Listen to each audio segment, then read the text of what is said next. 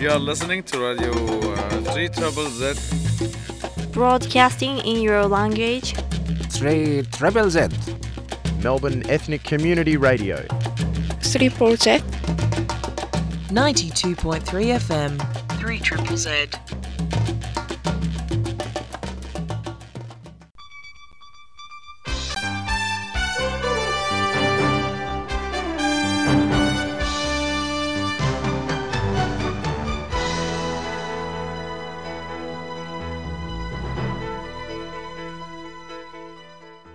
Neues von der jüdischen Welt.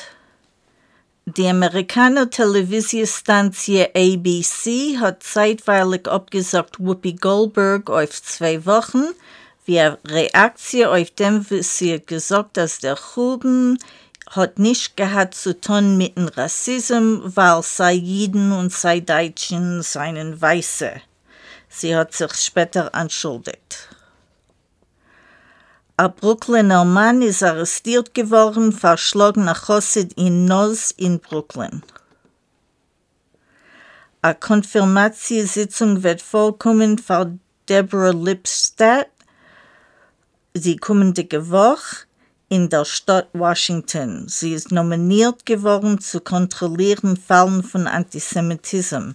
Sie hat stark kritikiert Republikaner und sie haben abgelegt die Konfirmationssitzung.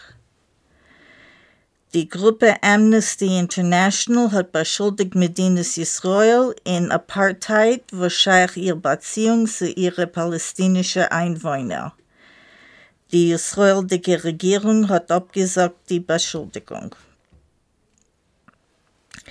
Die New Yorker Schildschere Pleite, die älteste Schild in Südamerika, wird terminieren dem Abmach mit der historischer Turo Shield in Rhode Island. Die Rhode Island Shield gehört zu der New Yorker Shield in die 1920er Jahren.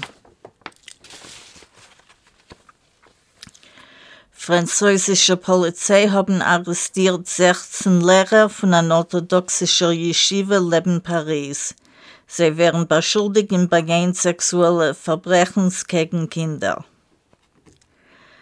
Die Eliezer Wiesel Fundatie für der Menschheit hat gerufen, Athletiker und Menadrim zu boykottieren die Olympiade, was hebt sich an die Woche in China, wie ein Protest gegen die Behandlung von der Uyghur Volk, eine muslimische Gruppe in China.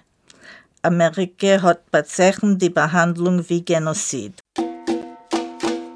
You are listening to Radio 3 Trouble Z.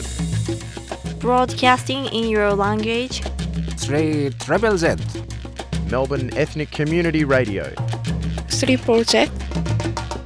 92.3 FM. 3 Triple Z.